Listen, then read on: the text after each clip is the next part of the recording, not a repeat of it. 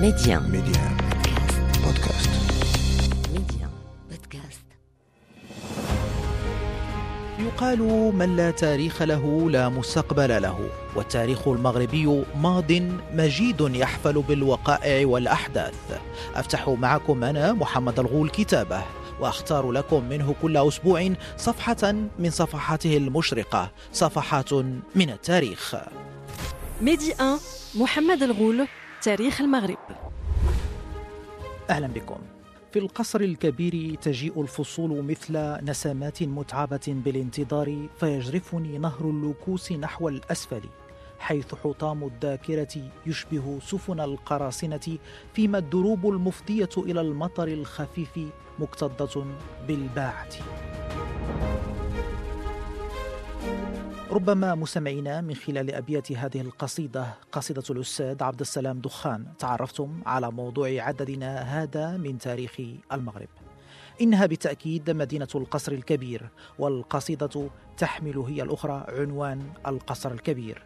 هذه المدينة الوحيدة ربما في المغرب التي لا يحيل واقعها الحالي على تاريخها الحقيقي كحاضرة لها إشعاع كبير في التاريخ المغربي القديم كما المعاصر. يكفي أنها المدينة التي ارتبط اسمها بمعركة وادي المخازن والتي وقعت أطوارها بجوارها وهناك من المؤرخين من يسمي المعركة بمعركة القصر الكبير. المدينة شهدت في فترات متقطعة ازدهارا عمرانيا كبيرا كما إشعاعا معرفيا وعلميا. فعديدة هي أسماء العلماء من أبناء المدينة حتى أنه كان يقال أنه لولا علماء القصر الكبير ما كانت جامعة القرويين بفاس. فكثير من المؤرخين يصفون المدينة بأنها أول حاضرة مغربية لا تزال قائمة.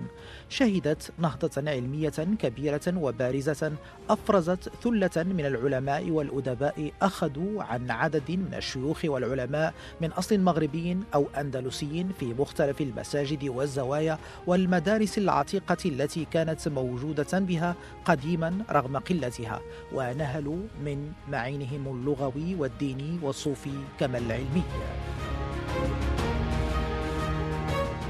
تقع مدينة القصر الكبير على الضفة الشمالية لنهر اللوكوس في موقع وسيط على مفترق الطرق بين عدد من المدن الرئيسة في الشمال الغربي للمغرب العرائش، طنجة، الرباط كما فاس. الأمر الذي يمنحها أهمية خاصة ولعل اللقى الأركيولوجية التي تم العثور عليها بالمنطقة حتى الآن تؤكد قدم التواجد الإنساني بها. أقدم وجود حضاري يرجعه الكثير من المؤرخين والباحثين رغم تعدد وتضارب القراءات إلى مدينة أوبيديوم نوفوم الرومانية التي جاءت على لسان بعض المؤرخين القدامى فقد ورد ذكرها لأول مرة خلال القرن الثاني للميلاد لدى الجغرافي بطليموس. كما وردت بعد ذلك أيضا في الدليل الأنطونيني أوائل القرن الثالث للميلاد. وتعددت أسماء المدينة بحسب تعدد المصادر التاريخية فقد حملت اسم قصر عبد الكريم الكتامي وقصر كتامة وقصر صنهاجة وسوق كتامة أو السوق الكتامي. ورد ذكر المدينة عند البكري في المسالك والممالك وابن خلدون في العبر وابن الخطيب في الإحاطة وغيرهم الكثير. ومنها كتاب الروض المعطار في خبر الأقطار الحميري الذي كتب أن قصر عبد الكريم هي مدينة صغيرة بين بينها وبين مكناسة في جهة الغرب ثلاث مراحل وسكنها قوم من البربر وهي على نهر لكسوس وبينها وبين البحر نحو أربعين ميلا في أرض كلها رمل ولها مزارع وخصب وصيود بر وبحر وبها سوق عامرة وجمل صناعات والرخاء شامل وبينها وبين طنجة يومان. واسم كتامة يعود أصله إلى عبد الكريم الكتامي المعروف بابن العجوز الذي تنسب إليه المدينة ولا توجد كثير معلومات عنه غير أنه ينتمي إلى أسرة من سبتة وأفرادها من الفقهاء والعلماء والقضاة وأبوه الفقيه عبد الرحيم بن أحمد الكتامي السبتي وقد طلب عبد الكريم العلم أيضا وسمع من أبيه وقتل على يد المرابطين على الأرجح العام 465 للهجرة الموافق ل 1073 للميلاد عند تمكنهم من السيطرة على المنطقة. التضارب والغموض حول أصل نشأة مدينة القصر الكبير وبدايتها كما قد نلاحظ. تتضارب بخصوصه الروايات لكن هناك أدلة كثيرة تشير إلى قدم وعراقة المدينة.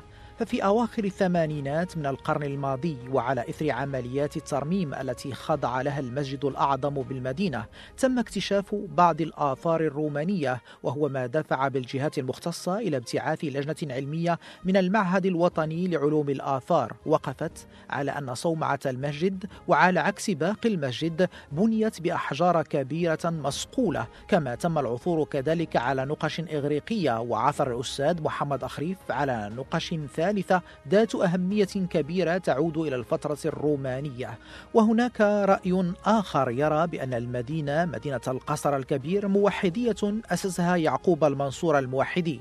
فقد انفردت المصادر الأوروبية بذكر هذا الأمر ولم يرد في أي مصدر عربي. وكان الحسن الوزان هو المصدر الأول لهذه الرواية. لكن على العموم هذا التضارب في المعطيات لا يفند أن مدينة القصر الكبير فعلا مدينة ضاربة في التاريخ. إنما الإشكال يكمن فقط في المصادر التاريخية التي كتب أغلبها على فترات متفاوتة وعلى العموم المدينة أصبحت لها شهرة كبيرة بعد ارتباطها بمعركة وادي المخازن. قبلها يمكن ربط مرحلة ازدهارها مع الفترة الموحدية وبعدها المارينية حيث شهدت ازدهارا عمرانيا وعلميا ومعرفيا كبيرا. وسور المدينة للإشارة الذي لم يعد قائما منه إلى جزء صغير بني خلال الفترة الموحدية وكان علوه يبلغ حوالي ستة أمتار ويزيد عرضه على المصر الواحد. كما يحدث مع المصادر التاريخية المتضاربة والغامضة حول نشأة المدينة وتاريخها. كذلك الآثار العمرانية التاريخية بالمدينة تآكلت وتلاشت إلى حد كبير بسبب عوامل مختلفة. عوامل الزمن وكذا عدم الاهتمام إضافة إلى عامل آخر يشير إليه بعض الباحثين. موقع المدينة المنبسط والقريب من النهر جعلها عرضة للفيضانات والترسبات ما جعل عددا من آثارها تتعرض للغمر. وعلى سبيل المثال لا الحصر تم الكشف عن قناطر ضخمة اختفت تحت الأرض. يعتقد بأنها تكشف أن المدينة ربما كانت توجد خلال فترة من فتراتها مباشرة على ضفة النهر. وكانت هذه القناطر سبيل الساكنة للعبور في اتجاه الضفة الأخرى في اتجاه طريق فاس. ومن الآثار التي لا زالت تحتفظ بها المدينة رغم وضعيتها المسجد الأعظم الذي تم ترميمه درب الملاح أو الحي اليهودي الشاهد على التعايش والتسامح والتي كانت سمات مميزة لمجتمع المدينة مدينة القصر الكبير حيث لا تزال توجد به بيعة متهالكة. غير بعيد عن الملاح يوجد مزار سبعة رجال بمقبرة سيدي الخطيب بطريق القطانين بحي باب الواد وهي مقبرة جماعية لسبعة رجال يرى الباحث في التاريخ الأستاذ محمد أخريف أنهم قد يكونوا من المجاهدين من أسرة بني شقيلولة بالقصر الكبير الذين جاهدوا في الأندلس أو من شهداء معركة وادي المخازن. وفي علاقة بالأندلس الباحث الأستاذ رشيد العفاقي أكد أن العديد من الأسر الأندلسية استقرت فعلا بالمدينة بعد سقوط الأندلس. في حي باب الواد ثمة معلمة تاريخية أخرى لم يتبقى منها إلا القليل هي مسجد البنات المغمور بسبب الفيضانات ولم يعد يظهر منه إلا صومعته المرتفعة عن الأرض بحوالي عشرة أمتار. هذه الصومعة تطل على دار الدباغ الذي فقد الكثير من طابعه وشكله الأصلي.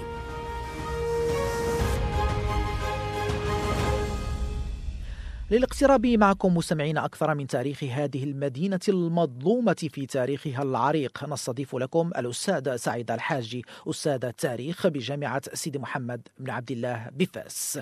أستاذ سعيد مرحبا بك دائما على أمواج إذاعة ميديا. شكرا محمد. شكرا لإذاعة ميديا على الاستضافة.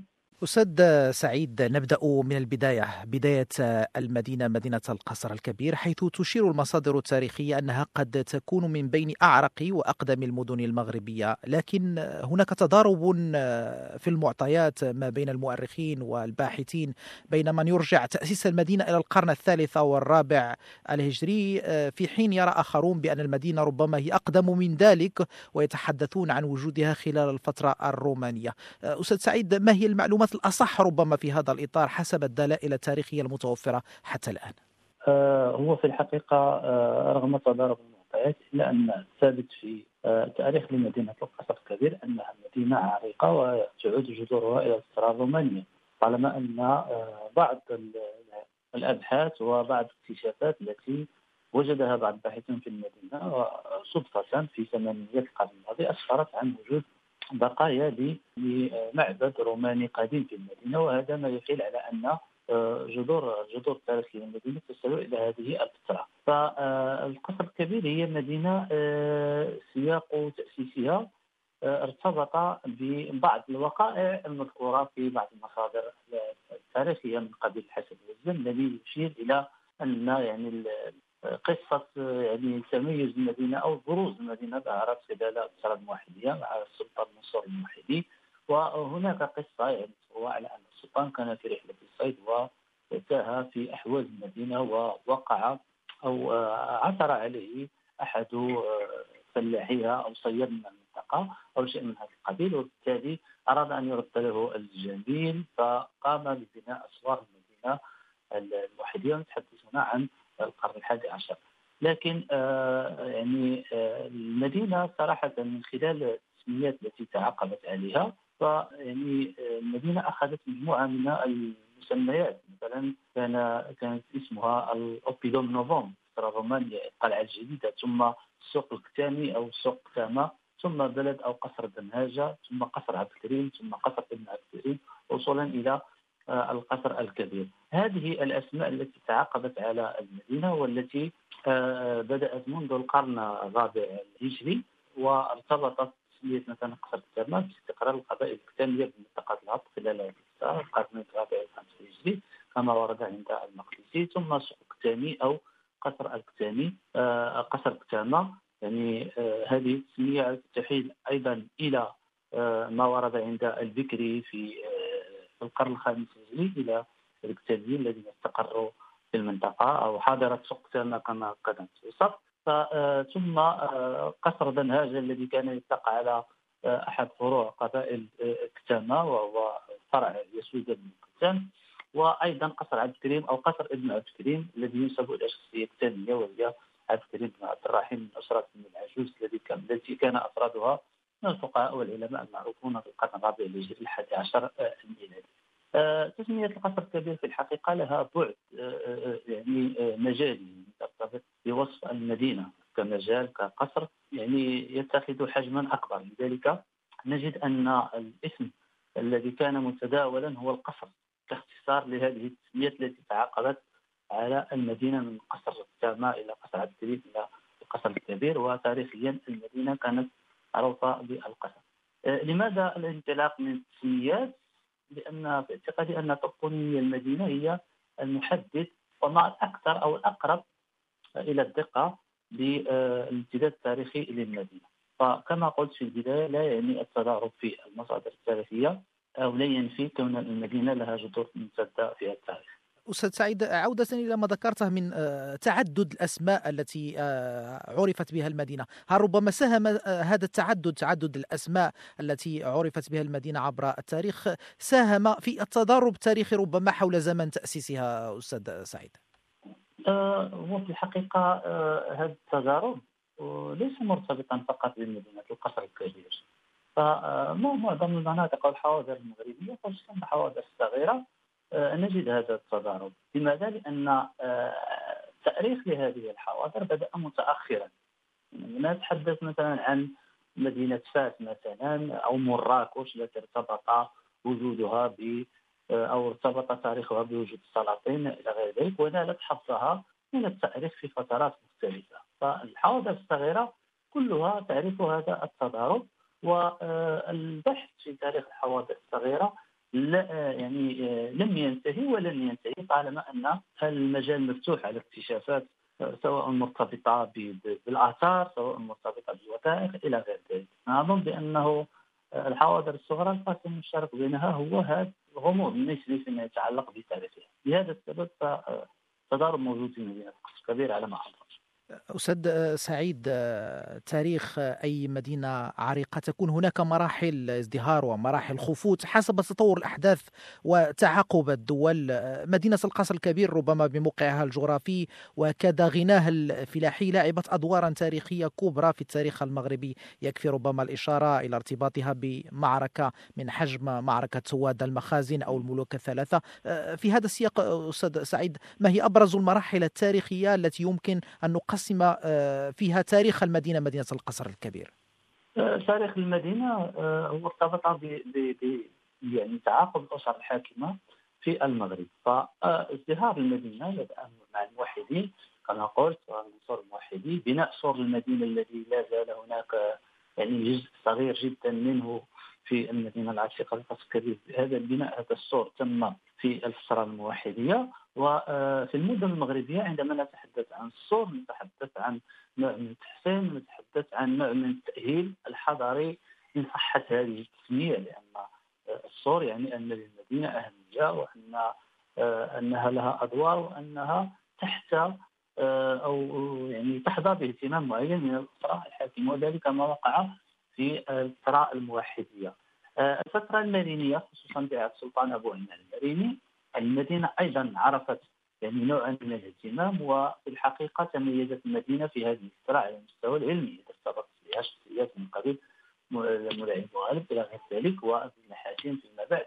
إذا هذا الاهتمام الموحدون الذين اهتموا بالمدينة لأول مرة وبرزت معهم بشكل كبير المرينيون اهتموا بالمدينة آه، نظرا لإشعاعها وغير ذلك ثم فيما بعد العلويون وهنا نسجل بأن المدينة خلال القرن آه، السابع عشر كانت مستقرا لفترة معينة للثائر الخضر غيلان الذي كانت له مطامح في الهيمنة على منطقة شمال المغرب. والمدينة في الفترة العلوية هذه يعني تعرضت صورها للتخريب بفعل الحملة التي شنها المولى الرشيد على آه، حركة أو الحركة التمردية للخضر غيلان آه، عبر التاريخ المدينة لعبت أدوارا مهمة سواء كانت أدوار علمية سواء أدوار اقتصادية ولكنها أيضا كانت دائما في قلب الصراعات والتطحنات التي عرفتها البلاد سواء تلك المرتبطة بالسعي سعي البعض نحو آه، السلطة إلى غير ذلك أو تلك المرتبطة بالأحداث ذات الطابع الكوني من قبل معركة واد المخازن. تطور المدينة يعني آه، ارتبط بهذه الأحداث ارتبط بالأسر الحاكمة وموقع المدينة الجغرافي كما ذكرت كان له دور مهم في هذا التطور لأن المدينة فهي يعني حاضرة سهل اللوكوس معروف بموارده الفلاحية. المدينة أيضا فلا توصل بين منطقة الهبط ومنطقة الجبالة يعني هناك تشكيلات قبلية متنوعة جاءت المدينة أو تموقعت المدينة في قلبها ثم وصولا إلى مرحلة الحماية الإسبانية كما ذكرت وكانت تكتسي أهمية بالغة بالنسبة للإدارة الإسبانية. إذن هذا هو مسار تطور المدينة حسب ما هو وارد في المصادر التاريخية أستاذ سعيد ذكرت بأن المدينة بدأ ربما ازدهارها خلال الفترة الموحدية ثم تلاه كذلك الفترة المرينية.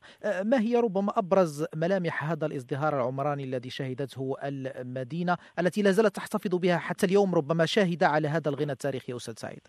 كما ذكرت يعني عندما نتحدث عن الحواضر المغربية ذات العمق التاريخي فنتحدث مثلا عن المسجد المسجد الأعلى. يعني نقطة الارتكاز في أي حاضرة مغربية تكون هي المسجد. من المسجد تنطلق معظم الأنشطة الاقتصادية و يعني المنشآت الحرفية إلى غير ذلك.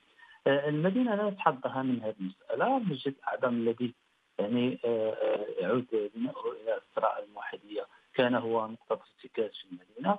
الأنشطة آه، الحرفية المرتبطة به الفنادق إلى غير ذلك. كل هذا يحيل على دينامية اقتصادية شهدتها المدينة في مراحل تاريخية مختلفة. المدينة كانت صلة وسط على الطريق التجارية الرابطة بين طنجة وفاس. هذه مسألة مهمة من الناحية التاريخية لأن فاس هي المركز وفاس هي العلم فاس هي التجارة وبالتالي مختلف حواضر الواقعه على المحاور الطرقيه المؤديه إلى فاس نالت حظها من التطور مدينه القصر الكبير لا زالت تتوفر على مجموعة من المعالم في المدينة القديمة التي تؤرخ لكل فترة من هذه الفترات. هناك المعالم المدنية الموحدية المدنية السعديه العلويه إلى غير ذلك. كل هذه الفترات عرفت نوع من التطور مع التباين في وتيره هذا التطور. لذلك فيمكن القول بأن الشواهد لا زالت موجودة وإن يعني تعرضت إلى وضعيتها إلى تدهور كبير نظرا لعوامل مختلفه. الأستاذ سعيد الحاج أستاذ التاريخ بجامعة سيدي محمد بن عبد الله بفاس شاكر لك فيض معلوماتك التاريخية القيمة. بارك الله فيك شكرا جزيلا. الشكر موصول لكم مستمعينا وأذكركم أنه يمكنكم متابعة كل أعداد تاريخ المغرب عبر تحميل تطبيق ميدي أن بودكاست. إلى اللقاء. ميدي 1 محمد الغول تاريخ المغرب.